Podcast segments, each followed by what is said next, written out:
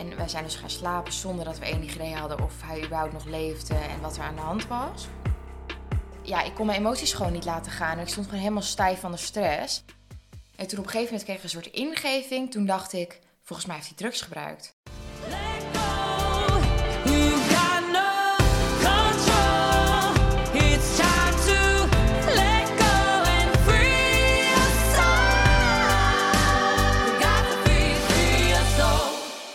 Welkom bij onze podcast SOS, waarin we het hebben over cocaïneverslaving en de impact daarvan op naasten. Nou, ik ben Donna en ik zit hier met mijn moeder. Hi mam. Hallo, ja, ik mag ook meedoen aan deze podcast. Nou, wat leuk. Ja, dat is echt wel grappig, want twee of drie jaar geleden wist ik nog niet eens wat een podcast was. Iedereen had het erover. Ik dacht echt, wat is het? Ik begreep het ook niet helemaal. maar eh, de grap is dat ik nu gewoon de hele dag door eh podcast luister. Als ik kook, als ik de hond uitlaat, zelfs onder, Onder de je douche. badmuts. Onder mijn badmuts, onder de douche. Ook een beetje verslaafd, hè? is wel toepasselijk. Ja, zeker, ja. Maar goed, het kan misschien niet zo heel veel kwaad, verslaving aan podcast. Verschil moeten zijn. Ja, hey, maar laten we even met de deur in huis vallen. Want eh, wat is er aan de hand? Waarom doen wij dit? Ja, nou, goede vraag. Ehm, ik heb een eh, relatie gehad met iemand met een kookverslaving. Ehm, inmiddels zijn we al een tijdje uit elkaar en eh, is onze relatie over. Maar we hebben dus wel samen een kindje, een jongetje van twee jaar oud. Een hele leuke. Een hele leuke, ja. Ehm, en nou ja, het heeft gewoon heel veel impact gehad op mij. Ehm, maar ik denk ook wel heel erg op jou natuurlijk. Ja, zeker, ja. op het gezin ook gewoon. Ehm, en ik denk dat wij eigenlijk als enige van elkaar kunnen voelen hoe het echt was. En dat het voor buitenstaanders heel lastig is te begrijpen. Want wij hebben dit moment gewoon echt samen gedeeld. En gewoon, nou ik wil niet zeggen hetzelfde gevoeld. Want het is heel anders voor een moeder als voor een eh, partner natuurlijk. Maar ik denk wel dat, we, nou ja, dat het voor ons allebei wel eh, te vergelijken was. Ja, we hebben echt samen het drama wel eh, beleefd. Met Ja. veel momenten wat eh, heel erg heftig was. En ook samen gedragen, denk ik. Want Ja. dat is, vind ik wel heel fijn dat we dat samen hebben kunnen doen.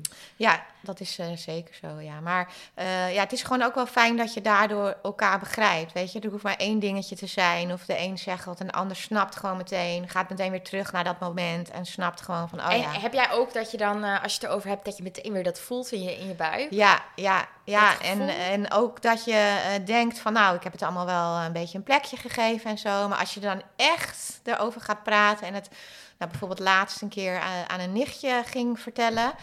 Eh, dat dan ook opeens de tranen weer komen. Omdat je dan eigenlijk wel weer voelt van oh jeetje, wat was het heftig. Ja, je voelt ook meteen de, eh, de adrenaline eigenlijk. In ieder geval, ik voel dan meteen de adrenaline van oké, eh, wat ze zeggen, hè?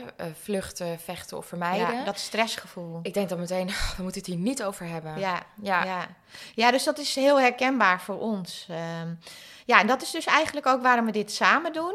Ja. Nou, jij vanuit, hè, je bent partner geweest van iemand die verslaafd is en ik eh, ben jouw moeder, dus heb dat van heel dichtbij gezien. Ja, dus waarom eigenlijk deze podcast en ehm, welke onderwerpen gaan we bespreken? Ja, nou, ik denk eh, in eerste instantie hopen wij dat het een beetje herkenning geeft voor anderen die in hetzelfde schuitje zitten. Ja, zeker. Ehm, nou ja, al is er maar één iemand die er iets aan heeft, dan eh, hè, zijn wij wel blij. ja. Want dat hebben wij zelf wel een beetje gemist. Ja, ja ik, denk, ik, ik heb dat wel echt gemist. En jij ook natuurlijk. Ehm, dat je gewoon even eh, iemand kan horen die in eenzelfde soort situatie heeft gezeten. En dat je weet dat het niet aan jou ligt. Ja. En, ehm, Je gaat echt aan jezelf twijfelen soms. ja, nou ja, en dat je ook een beetje de schaamte los kan laten. Dat vind ik wel heel goed, want ik heb me heel erg geschaamd. En nog steeds wel is. Terwijl ik er natuurlijk helemaal niks mee te maken heb eigenlijk. Nee, Maar toch is het ook eh, jouw verhaal. ehm, en ja, je voelt toch schaamte erbij. Ja, nou dat herken ik ook. Want het is niet iets wat je meteen, als iemand aan je vraagt hoe gaat het, dat je zegt, oh, mijn partner of mijn schoonzoon heeft een Nee, ga je niet op je kringverjaardag aan iedereen eh vertellen. Nee, nee, dat is gewoon best wel moeilijk. Ja, Ehm, ja, aandacht dus ook voor de impact die het op naasten heeft. Daar is gewoon niet zoveel over te vinden. Het gaat eigenlijk vooral altijd over de verslaafde. ja, wat natuurlijk ook ergens logisch is. Maar ik denk dat er echt wel wat meer aandacht eh, mag gegeven worden aan eh, partners en families. Ja, kijk, en als je eenmaal binnen bent bij een kliniek of een behandeling, dan zijn daar wel momenten eh, dat je bij een groepje kan voor familie. Maar weet je, als je in dat hele traject daarvoor zit, Ja, dan, eh, ja, weet je, dan doe je maar wat. ja. En Je hebt dan, geen idee? eh, nee, je hebt geen idee. Nee. Nee. Nou ja, en ik denk dat, we, dat jij vooral ook wel wat meer te weten wil komen over cocaïneverslaving. Ja, ik hou van feitjes. ja, en ik hou er heel erg van om het naadje van de kous te weten en me te verdiepen in. Dus eh, bereid jullie voor. Als je daar geen zin in hebt, zou ik snel verder luisteren.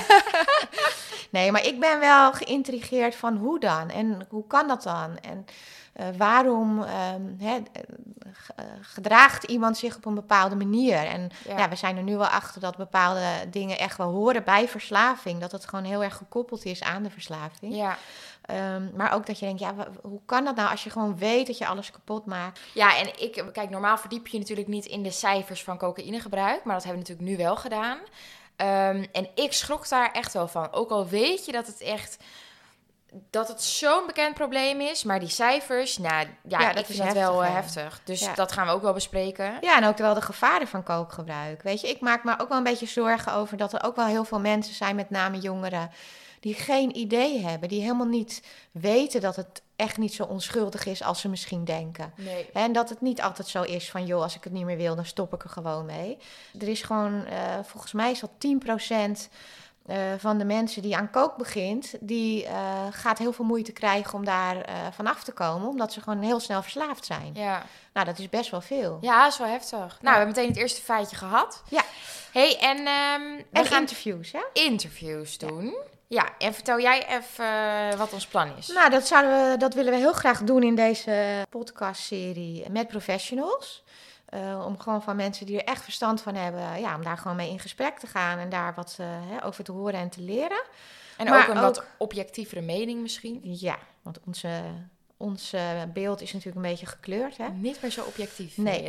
Ehm, en maar ook eh, interviews met familieleden, ouders, partner, een kind. en misschien zelfs wel met een verslaafde. Ja. Weet je, want wie kan beter uitleggen eh, wat er in je hoofd omgaat dan iemand die dat zelf heeft meegemaakt? Zeker, ja. Ja.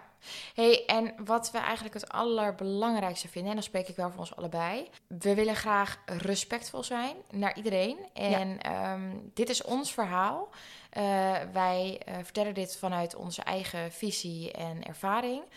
Ehm, er zijn alleen maar verliezers in dit verhaal. Dus we willen dat wel even gezegd hebben. Ja, Dat dingen misschien een beetje bevooroordeeld uit ons mond kunnen komen. maar zo bedoelen we het niet. Zo bedoelen we het niet. Nee, nee, en zeker ook respectvol nou ja, naar mensen die verslaafd zijn. Eh, hè, maar ook in onze eigen kring, jouw ex-partner, zijn familie. Want er zijn echt alleen maar verliezers en dat is vreselijk. En wij zien het ook als een ziekte, dus wij begrijpen dat het echt een ziekte is. Ja. En dat de persoon achter de verslaving vaak ook niet dit wil natuurlijk. Nee, natuurlijk wil die dat niet. Nee. Dus, eh, Nee. maar oké. Nou, hebben we dat in ieder geval gezegd. Ja. En dan eh, kunnen we nu... eh Ja, dus als jullie een keer wat horen en je denkt, hmm, neem het met een korreltje zout. ja, niet onze bedoeling. Nee. nou, en waarom heet deze podcast SOS? ja, Ehm, dan mag jij uitleggen. Nou, eh, SOS staat voor een internationaal noodsignaal. Ook wel Save Our Ship of Save Our Souls. Nou, dat is wel toepasselijk natuurlijk. Ehm, aandacht voor je zinkende schip. Ja, Nou zo, vo- zo voelt het, klinkt heel dramatisch. Maar eh, ik bedoel, iedereen kent de SOS van de schepen die eh, in moeilijkheden komen. Maar zo voel- voelden wij ons wel een beetje. Dat je echt denkt, jeetje. Alsof je in een zinkend schip zit Ja. op de oceaan. e- echt waar. Dat, Helemaal ja. in je eentje. Ja, zo voelde het wel een beetje. Dus dat vonden wij heel toepasselijk. Eh, en jij had nog iets anders waarvan ik echt niet wist dat dat ook dat betekende. Ja, ik denk dat dat een beetje een generatiedingetje is. Ehm, een hoop wat oudere mensen, hè? Zo ik ben wel nog onder de 50. hè. Ja, ja, ja, ja, ja. Een paar maanden, hè? Over een paar maanden hoor ik bij de oudere mensen. Oh. Eh, nou ja, een beetje generatiedingetje, denk ik. Eh kook wordt ook wel sos genoemd. En nou ja, dat is een soort bijnaam voor kook. En dat werd in mijn kringen ehm, een paar jaar geleden veel gebruikt. Ehm, omdat Nou, ik ook wel, altijd... Ja, ja, ja, Ja. dat denk ik wel. Maar ik heb er nu niet zoveel mee te maken meer. Dus ik hoor dat niet zo vaak meer. Nee, gelukkig. Maar dat is wel eh, een bijnaam, dus sos. Dus het is eigenlijk een beetje een dubbel... eh, Ik vroeg het van de week nog op een gezellige borrel met eh, vrienden. Oh, Eh, ik vertelde over onze podcast en ik noemde even SOS, maar niemand had ervan gehoord. nee. Dus het is een generatiedingetje, Ja, denk dat ik. denk ik ook wel echt. Ja. En misschien ook in bepaalde kringen, vriendengroepen. Misschien weet Ja, ook niet iedereen dat. Nee, tuurlijk. Oké, hey, ehm, misschien is het goed om eh, in deze eerste aflevering in ieder geval eh, jouw verhaal eh, in korte lijnen even te vertellen. Ja, korte lijn is wel lastig samen te vatten. Dus ik ga een poging doen. En ehm, ja, ik denk dat we het gewoon samen moeten doen. Want jij bent altijd goed met cijfertjes en feitjes en eh, de chronologische volgorde. En bij mij is het altijd een beetje een soep. Ja, Dus wel fijn dat jij mij daarin kan ondersteunen. dat is goed. Ehm, nou ja, eigenlijk eh, ongeveer vier jaar geleden. Ja, ehm, In september, vier jaar geleden, komende september. Ja, nou ja, ben ik eh, mijn ex-partner tegengekomen eh, op Tinder. Eh, heel leuk, zo'n dating site natuurlijk. En ik had nog nooit dat echte verliefde gevoel gehad op deze manier. En toen wij elkaar ontmoetten was het eigenlijk meteen, dat was er meteen. Ehm, van beide kanten gelukkig. Nou ja, het was gewoon meteen, voelde het heel goed. En eh, nou ja, voor ons voelde het wel alsof we echt bij elkaar hoorden. Nou ja, dat gevoel werd eigenlijk alleen maar meer bevestigd. We hadden dezelfde toekomstdromen. eh, We hadden allebei een hele grote kinderwens. En nou ja, hij was wat ouder. Tien jaar ouder.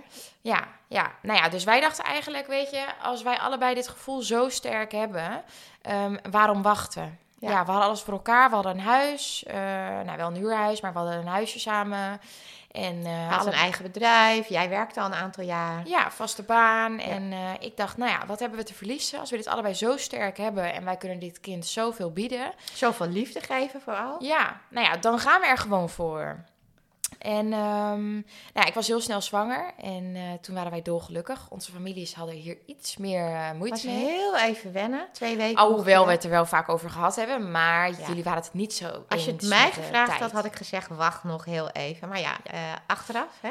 Maar goed, nee, eh, weet je, eh, toen ik helemaal aan het idee gewend was, super leuk om oma te worden. Ja, Ik weet nog dat ik het net gehoord had en niemand mocht het nog weten, want het was nog pril. En ik liep in de HEMA en ik dacht, ik ga heel even bij de babyspulletjes Oh, kijken. En ik stond daar met al die schattige kleine spulletjes en toen stond er een mevrouw naast me en toen zei ik, ik word oma. maar niemand, maar niemand weet het nog. iemand. ik moest het zeggen. Oh ja, dat was wel echt geweldig. Ja. Dus ja, Ja. heel welkom. Ja, nou ja, dus dat was eh, allemaal heel positief gelukkig. En ehm, ja, ik weet wel dat zijn ouders een beetje terughoudend reageerden.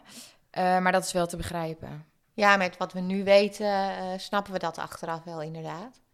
Hé, hey, maar ehm, even over jouw zwangerschap. Eh, liep je de hele tijd rond met een stralende lach en je handen op je buik? Ik vond het echt vreselijk. Eh, de eerste weken was ik echt heel gelukkig en vond ik het heel leuk om zwanger te zijn. Maar al snel werd ik super misselijk en dan kreeg ik veel migraine en dan moest ik ongeveer 16 keer per dag overgeven. Nou, daar kwamen elke keer ook gewoon nieuwe kwaaltjes bij. Maar ik heb eigenlijk gewoon wel maanden op de bank gelegen, liggen kotsen. Dus ja, ja. Ja, ik ben heel wat keren heen en weer gereden naar jullie huis om jouw emmertje om te spoelen en te kijken of ik misschien nog iets kon doen. Maar goed, helaas was dat niet het enige eh, wat er speelde in je zwangerschap. Nee, dit was wel eh, het hoofdding natuurlijk. Maar daarbij was er ook nog het probleem dat mijn partner eh, best wel veel issues had. Ehm, hij had heel erg ADHD en was druk in zijn hoofd. En daardoor zat hij niet zo lekker in zijn vel. En daar waren we eigenlijk best wel veel mee bezig eh, in die tijd. En nou ja, gingen we samen naar de psycholoog en probeerden daar veel aan te doen. Dus los van dat ik eigenlijk genoeg aan mezelf had, waren we ook best wel bezig om het voor hem allemaal wat aangenamer te maken. Ja, nou, dat klinkt best wel pittig, toch? Ja, Hey, in jouw zwangerschap ehm, waren er al wel dingen die vreemd waren en die jou heel veel stress gegeven hebben. Kan je over een van die momenten iets vertellen? Ja, ehm, nou ja, dit was één van de gebeurtenissen. Ehm, dus dit was niet de eerste keer. Maar er was een moment dat hij eh, hier met papa zou gaan klussen thuis. En ehm, hij zou hier komen eten. Dus hij zou na zijn klus, zijn eigen klus, zou hij gewoon hierheen komen. En dan zouden we met z'n allen gaan eten. Maar hij was eigenlijk al de hele dag niet bereikbaar of heel slecht bereikbaar. En toen op een gegeven moment rond vijf uur dacht ik wel, oké, is wel raar dat hij niks laat weten en dat ik hem niet te pakken krijg. En vanaf dat moment begon mijn stressgevoel eigenlijk een beetje toe te nemen. Omdat ik dacht, shit, dit is het moment dat hij ergens in zijn eentje zit en dat het niet goed is. En toen weet ik nog ehm, dat ik in de auto zijn moeder belde. En dat ik zei, ja, eh, het is weer zover. Ik krijg geen contact. Nou ja, hij zou vanavond helpen met de klus. Het eten staat klaar, maar hij is nergens te bekennen. Op enig moment had hij wel laten weten van dat hij hier ergens in de buurt was. En ik weet niet meer precies hoe dat ging. Ja, vaak, vaak was het dan ook zo dat hij dan wel zei, ik kom eraan. En dan dacht je, Ja. oh, nou, hij komt toch. En het was dan achteraf ook vaak zo dat hij ergens hier in de buurt was. Maar hij kwam niet. Maar hij kwam niet.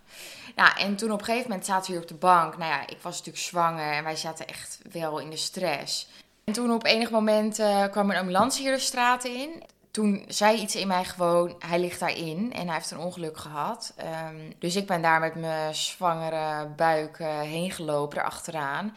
En uiteindelijk Was dat bleek anders. dat, het gewoon, dat hij gewoon naar huis ging.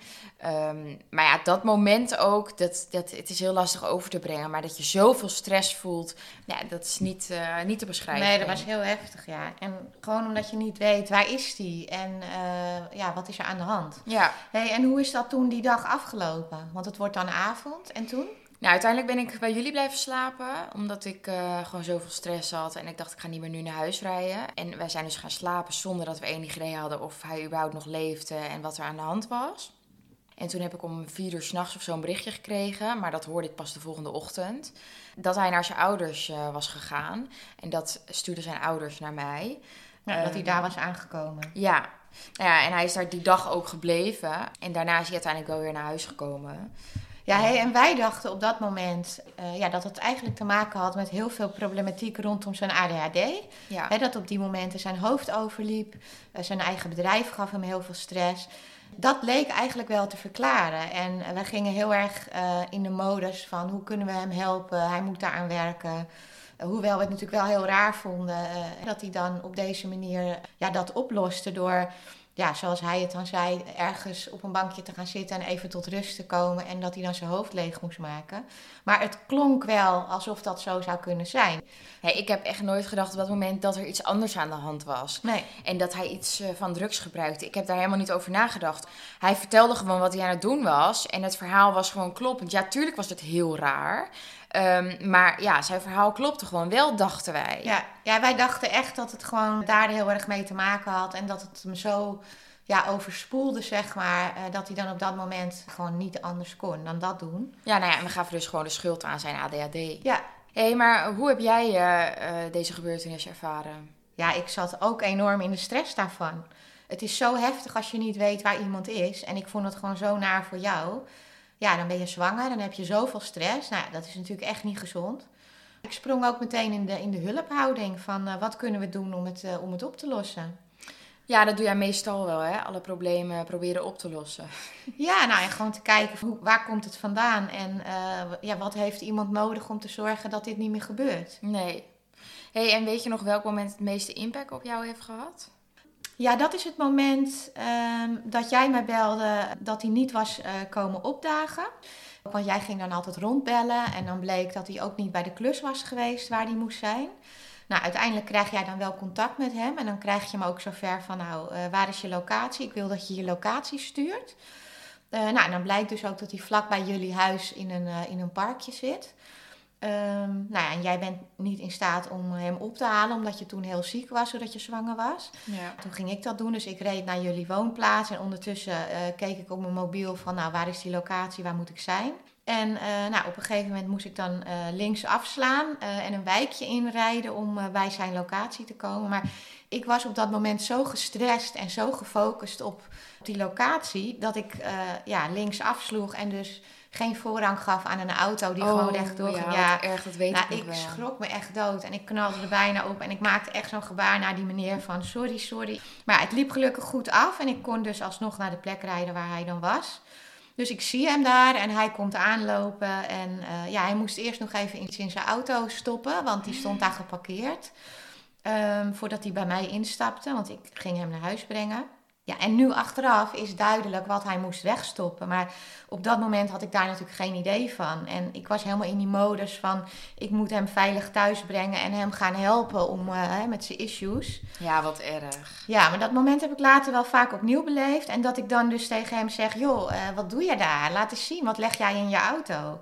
En dan ben ik dus heel kritisch naar mezelf. Van waarom heb ik dat niet gedaan op dat moment? Maar ik had gewoon geen idee. En ik was echt alleen maar bezorgd... en bezig om hem veilig bij jou thuis te krijgen... Maar ik kan nu dus nog steeds niet door die straat rijden zonder dat ik weer een heel naar gevoel daarbij krijg. Nee, dat is wel echt heel erg. En dat, wat jij vertelt van dat je beter had kunnen zeggen: joh, laat eens zien wat leg jij in je auto. Dat is natuurlijk achteraf, hè? En we hadden geen idee. Dus dat is heel natuurlijk dat je denkt: oké, wat had ik anders kunnen doen? Maar ik denk wel dat je moet proberen om niet te kritisch naar jezelf te zijn. Nee. Dat je probeert de situatie gewoon zo goed mogelijk op te lossen zoals die was. Maar ja, toch achteraf denk je dan, misschien had ik wel een soort onderbuikgevoel, maar je kunt het gewoon allemaal helemaal niet plaatsen. Nee. Hé, hey, maar ehm, hoe was dat voor jou? Want dit zijn dan eh, twee van de gebeurtenissen. Dat gebeurde dan allemaal in je zwangerschap. Maar kun je daar nog iets over vertellen hoe dat dan voor jou voelde, eigenlijk die hele zwangerschap? Ja, als ik nu dit verhaal zo hoor van, nou ik wil niet zeggen een afstandje, maar nu ik gewoon een gezond kind heb en niet meer zwanger ben en de situatie eh, voor mij opgelost is, zeg maar, ehm, denk ik wel, holy shit, dan ben je dus zwanger, dan ben je ook nog doodziek. En dan moet je dus ook nog de hele tijd aanstaan. En op dat moment was dat voor mij normaal, want ik dacht, ja, jij bent de vader van mijn baby. En wij moeten er samen alles aan doen om te zorgen dat jij er goed uitkomt. Dus ik denk dat ik wel de hele tijd bezig was om mezelf weg te cijferen. Nou, en ik had gewoon enorm veel stress. En ik was altijd bezig met hoe het met hem ging en hoe die klonk aan de telefoon. En Ja, dat vooral. nou, ik weet nog dat we toen ook eh, samen een weekje op vakantie gingen een keer. In de zomer. En toen had ik dus de hele tijd harde buiken. En toen ging ik de verloskundige ook bellen. En toen zei ik, nou ja, eh, moet ik hier iets mee? En toen zei ze, nou, je mag er zoveel in een minuut hebben. En toen zei ik, nou, daar zit ik dik overheen. Toen zei ze, nou ja, als je het nog een half uur hebt, dan moet je toch naar het dichtstbijzijnde ziekenhuis. Op dat moment vond ik het heel raar, want het voelde alsof ik niet zoveel stress had. En we waren toch op vakantie. Maar ja, ik had gewoon altijd stress. Ja. En dat werkte gewoon door in die vakantie. En omdat ik dan de hele dag bij hem was, was ik daar extra gefocust op, denk ik. Ja, Dus ik vind het wel heftig dat, dat eigenlijk mijn gezondheid en die van mijn ongeboren kind in de weg heeft gezeten. ja, het is gewoon een ongezonde situatie. Hé, maar Ja. hoe is dat afgelopen, die zwangerschap? Nou ja, uiteindelijk is dat gelukkig goed afgelopen. En met 39 weken ben ik ingeleid. En eh, nou ja, uiteindelijk een hele gezonde, lieve zoon gekregen. Eh, nou ja, en dat is natuurlijk gewoon een hele drukke tijd als jonge ouders. Ik denk dat alle jonge ouders dat wel kunnen Ja, beamen. slapeloze nachten, Ja, dat was wel heftig. huilende baby, kraamvisite. Ja, ja. Maar het was wel heel mooi, want ehm, in die periode ging het even wat beter met hem toen ik ehm, rond mijn bevalling. Hij was natuurlijk ongelooflijk blij ook, hè? Ja, en hij zei ook altijd: als de baby er is, dan eh, heb ik echt eh, het grootste doel in mijn leven. En dan, eh, dan wordt het wel beter. Ja, maar hij keek hier ook enorm naar uit. Hij was ook echt meteen een hele leuke vader, een hele goede vader. Ja. Ja, Nou ja, en voor jou was het natuurlijk ook heel leuk om oma te worden. En, dus Iedereen dat was, was wel. blij. Dat Ja. was een heel bijzonder moment Ja, wel. ja. hey, ehm, en dan als je zoontje vier maanden oud is, dan bel je mij op een middag helemaal overstuur en je zit in de auto in de parkeergarage onder jullie eh, woning. Ehm, en ik hoor je zoontje heel hard huilen. En dan vertel je me dat je partner in Amsterdam is, dat hij drugs gebruikt heeft en dat jij hem op moet gaan halen. Ehm, nou, het eerste wat in me opkwam is echt, nou, jij gaat helemaal nergens heen. Jij gaat nu weer naar binnen met je baby. Ehm, het is gewoon onverantwoord om in deze staat eh, over de snelweg te gaan rijden. Ja, en ik was ook in shock. Maar ja, vertel eens even, wat was er aan de hand? Ja, nou ja, hij belde mij en hij zei dat hij op de vluchtstrook stond en dat ze het remmen niet meer deden en zo. Eh, het was een heel vaag verhaal. En hij had me gevideobeld, dus ik kon zijn gezicht ook zien. Mhm. En ik zag dat hij in zijn auto zat eh, en dat hij er heel raar uitzag. Dus ik zei, wat is er aan de hand? En, eh, en toen op een gegeven moment kreeg ik een soort ingeving. Toen dacht ik, volgens mij heeft hij drugs gebruikt. Ik zag gewoon aan zijn ogen, er klopte iets niet. Nee. Dus ik zei, heb je drugs gebruikt? En ik had natuurlijk verwacht dat hij ging zeggen, nee, tuurlijk niet. Nee. En toen zei hij ja. Dus ik was daar zo van dat ik dacht, oh oké, je geeft het gewoon toe. Je hebt drugs gebruikt, oké. En dan klopt het verhaal dan wel met die auto. Ja. Ja, en hij zat dus ook nog in zijn auto. Dus ik zei tegen hem, moet je dan niet achter de vluchtstrook gaan staan? En toen dacht ik ook nog, wat nou als politie komt checken of het allemaal wel klopt en ze vinden allemaal drugs in zijn auto. Dus op dat moment was ik ook vooral daarmee bezig. Dat Ja. ik dacht, hij moet niet zijn rijbewijs kwijtraken en we moeten het oplossen. En ja, hele rare manier van denken. Ja. maar jij was helemaal overvallen hierdoor. Want ja jij bizar. wist dus helemaal van niks. Nee joh, ik had geen idee. Dit was dus het eerste moment Waarop wij erachter kwamen eh, dat hij dus eh, ja, cocaïne gebruikte. Ja, ja. Ja, ja, dat was inderdaad het eerste moment. En eh, nou ja, jij zou hem dus moeten ophalen, maar nou ja, dat ging hem dus niet worden, want jij was helemaal overstuur. Ja, hij zei van, ik word zo meteen weggesleept eh, naar een garage in Amsterdam. En eh, ik zo nu de locatie, moet me komen ophalen. En toen dacht ik, ja, ik zit hier al de hele dag met een overstuur kind. Want ik denk dat mijn kind het gewoon heeft aangevoeld. dat er iets niet helemaal lekker was. Want hij was de hele dag overstuur. En ik dacht, ik moet hem zo nog een flesje geven. Dus hoezo kan ik, moet ik jou nu gaan ophalen? Nou ja, en toen belde ik jou. En nee, jij was het er niet mee eens. Nee, en ik, en ik kon zelf niks doen, want ik moest, eh, stond op het punt om naar mijn avonddienst te gaan. Dus ik, En jij schrok je dood natuurlijk. en ik, ja, je, hart zit meteen ergens eh, hè, boven in je schedeldak. Ja. Ehm, maar goed, toen heb ik eh, jouw vader gebeld van joh, kan jij helpen? Hè, die is vaak onderweg voor zijn werk en die was wel op de route. Ja. Dus die heeft hem toen opgehaald. En die vertelde later ook dat hij gewoon meteen zag dat hij echt doorgesnoven was. Ja. Dat was gewoon bizar. Dus dat was ook voor hem een, een heel heftig moment. Dat je daar je schoonzoon ophaalt. Eh, je dochter heeft net een baby, jong gezin. Ehm, en dan tref je hem zo aan. Ja. Toen dacht ik wel, holy shit. Dus mijn moeder zit op haar werk helemaal in de stress. En mijn vader moet tijdens zijn werk me doorgesnoven vent ophalen. Toen dacht ik wel, wat schaam ik me diep. Dus ik dacht niet eens eerst aan mezelf, maar ik dacht gewoon... Hoe, hoe is, is het gebeurd dat ik deze mensen hier zo erg mee belast? En dat hij zichzelf zo idioot verschut zet? Ja, dat was mijn eerste gedachte. En daarna kwam meteen bij mij een soort defensief gevoel van... hij komt niet meer thuis. En ik wil gewoon alleen zijn met mijn kind... en mijn kind de rust geven die hij nodig heeft. Ehm, want ik voelde gewoon, als hij nu thuis komt, dan ontplof ik. En Ja. dan word ik helemaal gek. Ehm, ja, dus toen heb ik zijn ouders gebeld en toen heb ik het uitgelegd. En nou, die zijn volgens mij meteen in de auto gesprongen. Ja. Is- drie kwartier moeten zij rijden, maar zijn, zijn meteen hierheen gekomen. En ik heb ondertussen met, ehm, nou ja, met baby op bed zijn tassen ingepakt. Nou, in ieder geval voor twee weken volgens mij. Want ik dacht, voorlopig komt hij dit huis niet in. Nee, en op dat maar- moment dacht ik ook wel, ik ben er eigenlijk helemaal klaar mee. Dit, dit wil ik niet als mijn leven. En, eh, dus ik denk vanaf dat moment is er eigenlijk al iets eh, geknapt. Iets Ja. kapot gegaan. Ja. ja. Hey, jij bent toen eh, twee weken ehm, grotendeels met je baby bij ons geweest, hè, bij ons thuis. Nou, jouw broer woonde ook nog thuis, dus wij waren eigenlijk gewoon weer even als gezin bij elkaar, maar dan met baby. ja, nou ja, en dat was vooral ook omdat ik gewoon niet kon functioneren van de stress. En de hele tijd migraine had. Ja, Ehm, en jij eh, vond het ook heel vervelend als ik op afstand zat in mijn eentje met baby. ja. En het was best wel een pittige baby met slapen en eh, dat soort dingen. ja, dus het was echt om jou te helpen en ja, om gewoon elkaar ook te ondersteunen. Gewoon een beetje zicht op elkaar te hebben ook, Ja. denk ik. Ja, Ja. nou, het was wel een eh, heftige tijd. ja. Hey, na twee weken komt hij, ehm, of ja, wat ik vergeten te vertellen, dus wel meteen nog, diezelfde dag dat dit gebeurd is, heeft eh, jouw vader hem meteen opgedragen, bel je psycholoog weer. ja. Dat is dezelfde dag volgens mij nog gebeurd. ja. Ehm, Nou, ik weet dat papa hem ook wel eh, echt een preek heeft gegeven. Want dat hij echt heeft gezegd van...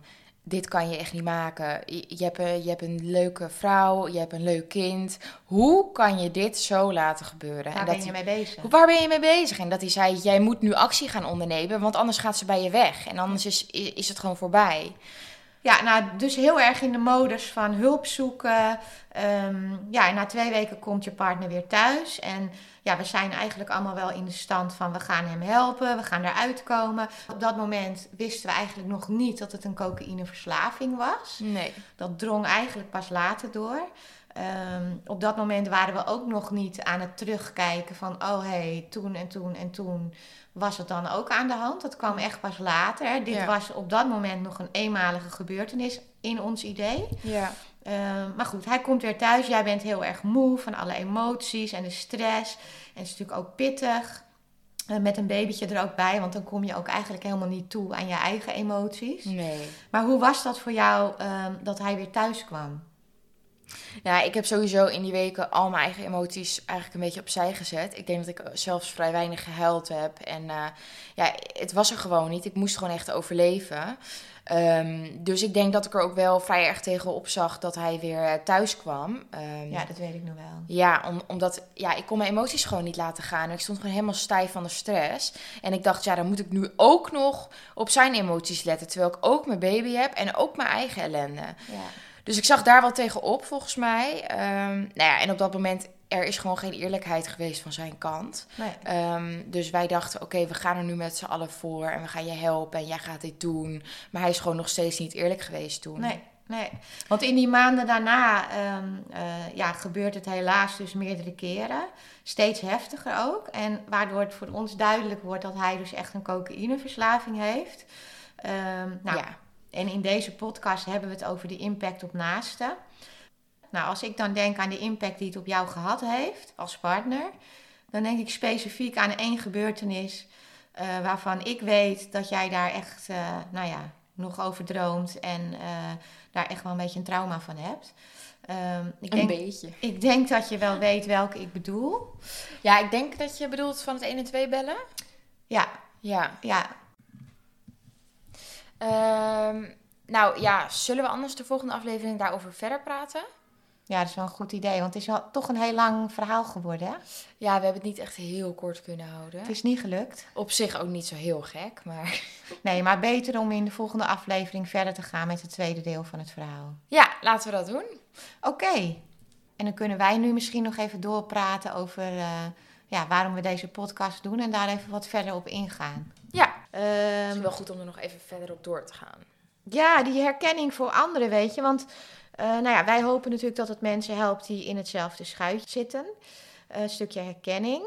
Maar wat misschien ook zo zou kunnen zijn, is dat mensen die dit zelf meemaken en die dat niet goed over kunnen brengen aan, eh, aan anderen of aan vrienden of familie, dat ze kunnen zeggen: joh, weet je, luister eens naar die podcast. Ja, Misschien begrijp je het dan wat beter. ja. Als we het zelf niet goed kunnen uitleggen. Nou ja, en ook voor onszelf denk ik goed om het een keer eh, eh, helemaal bespreekbaar te maken. En ik denk dat zelfs heel veel familieleden van ons geen idee hebben wat er nou precies allemaal gebeurd is en hoe dat dan precies werkt. Nee, dat heeft ook te maken met dat stukje schaamte. Hè? Dat is dan een tweede meteen.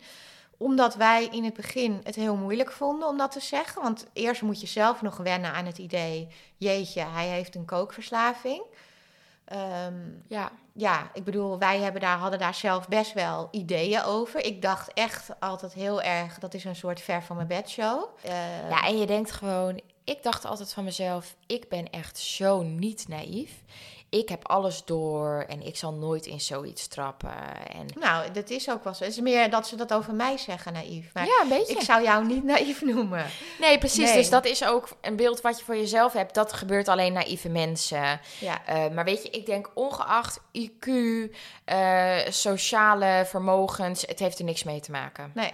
Nee, maar dat komt ook doordat mensen die verslaafd zijn zo ontzettend goed toneel kunnen spelen. Ja, En iedereen ehm, iets voor kunnen houden eh, wat niet de waarheid is, zeg maar. en altijd een deel van het verhaal vertellen, waardoor ze een beetje geloofwaardig worden. Ja, ja. Hey, ja, dat is ook wel eh, wat we gelezen hebben in het boek van eh, Timo Eichholz. Ja. Een jongen die een boek geschreven heeft over zijn verslaving. Mhm. Wat viel jou daarin op? Eh, nou, vooral het gedeelte eh, over gedeeltelijk eerlijk zijn. Ehm, ik weet niet meer precies wat hij daarover heeft opgeschreven.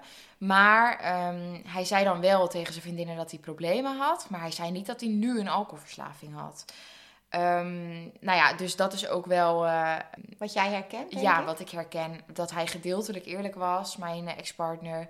En ehm, uiteindelijk eh, won ik daar helemaal niks mee. Maar ik vond hem wel betrouwbaar. Ja, het kwam, ja, en dat vond ik dus al heel erg in dat boek van Timo. Dus gedeeltelijk eerlijk zijn, waardoor iemand denkt: jeetje, wat, wat open en wat eerlijk en wat een betrouwbaar iemand. Terwijl Ja. je ondertussen dus hetgene wat echt belangrijk is weglaat. Nee, ik denk wel dat veel verslaafden zichzelf dat hebben aangeleerd. Ja, dat zal niet expres zijn, misschien onderbewust. Nou ja, en ze houden vaak wel mooie praatjes natuurlijk. Ik Ja. denk dat de meeste verslaafde mensen heel goed kunnen lullen. Ja, Ja. ja veel mooie praatjes. En, eh, maar waar het echt om gaat, dat, eh, dat laten Dat houden we er lekker buiten. Ja, ja, ja, heel herkenbaar. Ja. Het is denk ik een eh, manier van, ehm, eh, van zichzelf gedragen die, die je aanleert als verslaafde. Ja, misschien. Ja. Ehm, jij leert gewoon, ik denk dat je daarom ook je persoonlijkheid een beetje kwijtraakt. Jij leert om je op een bepaalde manier te gedragen en bepaalde dingen wel en niet te vertellen. Ehm, dat je mensen vertrouwen gewoon kan winnen. Ja, je, je merkt natuurlijk wel wat het effect is als je dat op die manier doet. Ja, Ehm, maar ja, dat is dus een beetje die verdieping ook die we willen. Nou ja, en die schaamte. Eh, dat je dat een beetje los kan laten. Want, oh ja, dat wilde ik eigenlijk zeggen. Ik dwaal een beetje af. Ehm, dat wij het in het begin dus in de familie hebben gehouden. ja. Eh, en daarmee bedoel ik in ons gezin. Ehm, ook omdat we niet wilden dat hij meteen een stempel zou krijgen. Dat is natuurlijk echt niet leuk. En zeker in de fase dat jij dacht, ik ga nog met hem verder. Nee, ik weet wel dat jij het op een gegeven moment wel zei van... ik vind het zo lastig dat ik het met niemand kan bespreken. Niet met mijn beste vriendinnen of niet met mijn zussen. Ehm, maar dat ik gewoon zoiets had van... weet je, dit gaat weer voorbij. En ik weet gewoon dat ik zelf ook er iets van zou vinden... als iemand dit tegen mij zou Ja. vertellen. Dan zou ik zeggen, meid, ren weg, gun jezelf een toekomst... en doe dit jezelf niet aan. Dus ik dacht, we moeten dit gewoon voor onszelf houden. Want als dit wel goed komt, dan moet hij gewoon nog een kans krijgen. En dan moet niet iedereen al iets over hem denken. Nee. nee, en dat begreep ik ook heel goed. Maar ja, op een gegeven moment werd het zo'n heftig verhaal. En eh, had ik er zoveel stress van. En, Ja, en we konden het ook bijna niet meer verbergen. Dan gingen jullie eh, een weekendje op vakantie. En eh, dan zouden jullie met z'n tweeën gaan. En dan uit- lekker even met z'n tweeën weg. Heerlijk, zonder je vervelende dochter. En eh, dan ging ik uiteindelijk mee, omdat het een en al drama was. Met baby. Met baby. Hele auto vol met Ja. campingbedje, kinderstoel, kinderwagen. Ja, ja, lekker rustgevend weekendje. en dan ehm, eh, vroeg iedereen, ja, en is het leuk? Ja, nou ja, dan deed ik dus net alsof de ex eh, mee was. Alsof wij een weekendje met jullie weg waren.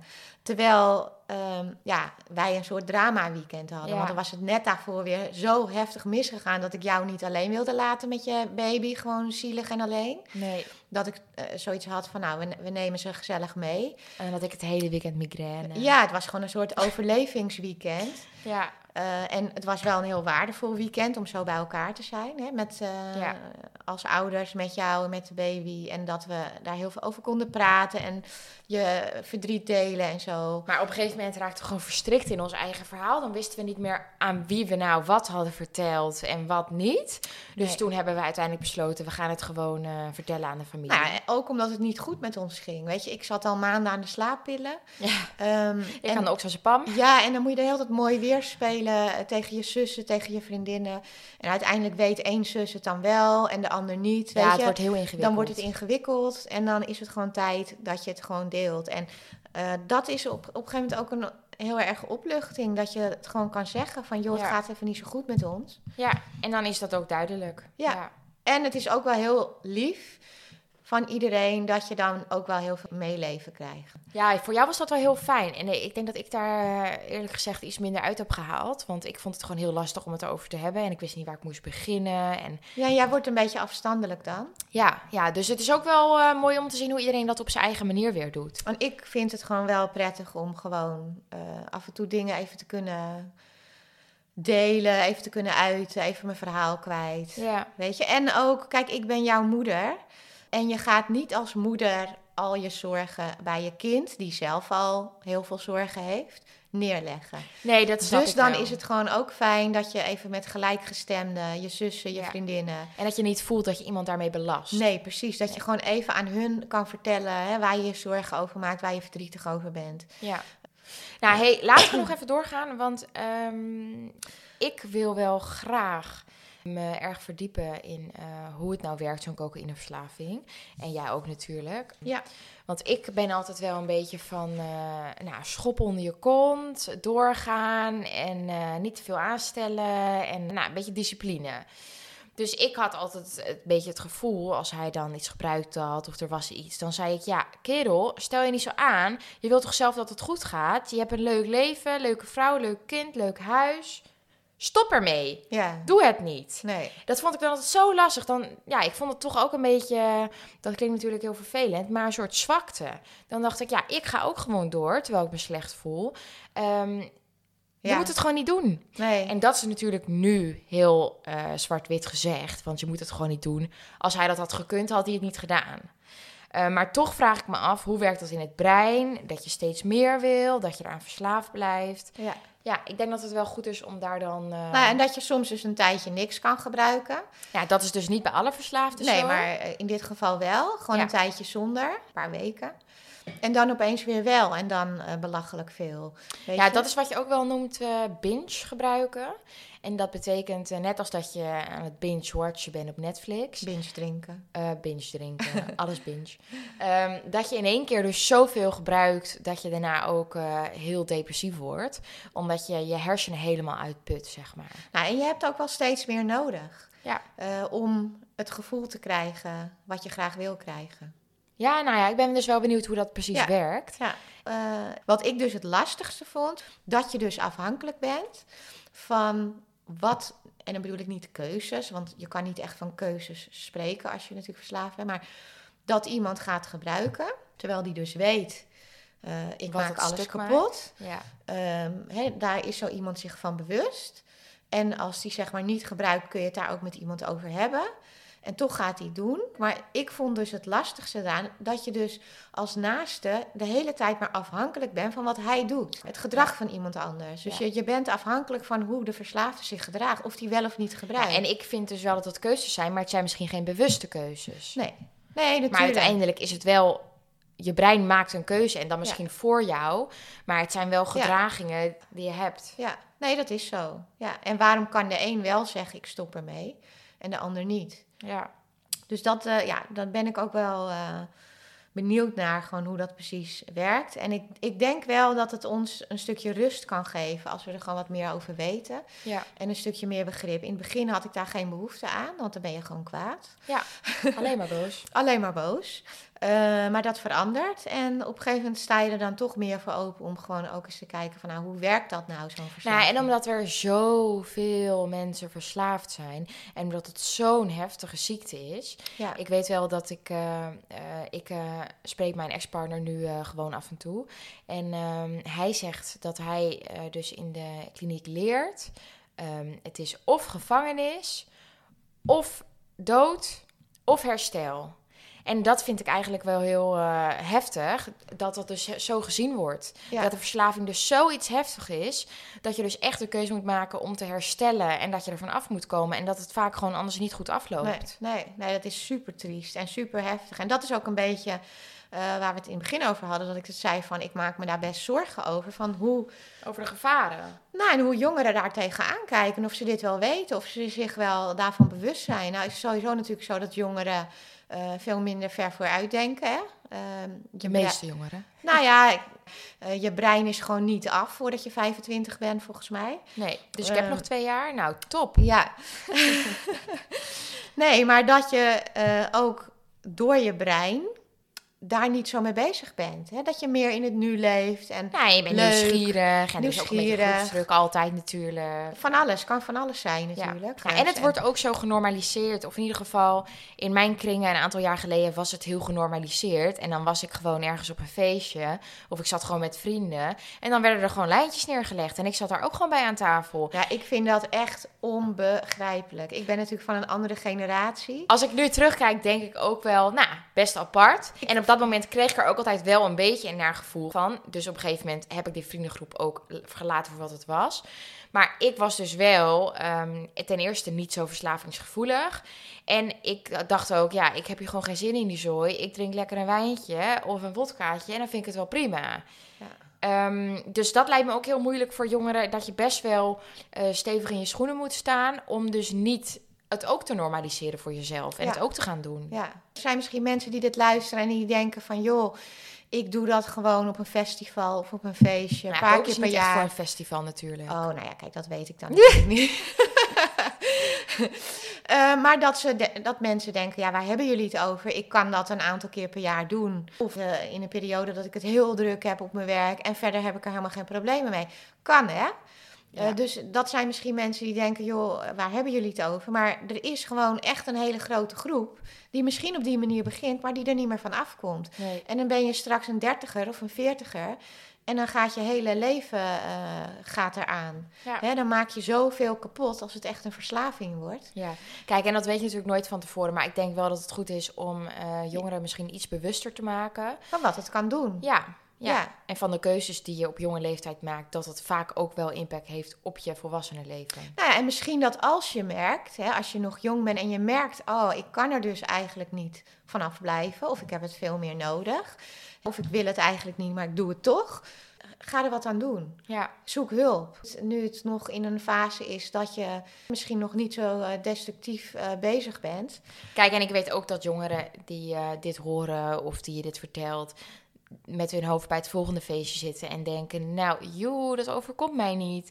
Dus ik denk wel dat het heel lastig is om Ja, dat dat is echt moeilijk. goed over te brengen. Ja, Ja. ja. ja. nou ja, misschien ouders ook die dit luisteren, weet je, die met hun kinderen daarover kunnen praten. Ja, wees er open over. En eh, Ja. zeg niet, eh, het is slecht, dus je moet het niet doen. Daar hebben wij natuurlijk een mening over. Maar ehm, bespreek het gewoon eh, met elkaar en met, je- met je kinderen, met je opstandige pubers.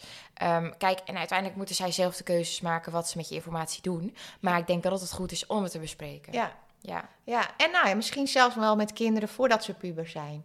ja, als ze nog iets minder opstandig zijn. Ja, ja. als ze nog in de fase zitten dat ze naar je luisteren. kan je ze nog wat bijbrengen. Ja. Heb ik zelf ook geprobeerd. Ja, precies. Maar ehm, het kan natuurlijk ook zo zijn dat mensen eh, zelf wel eens kook gebruiken.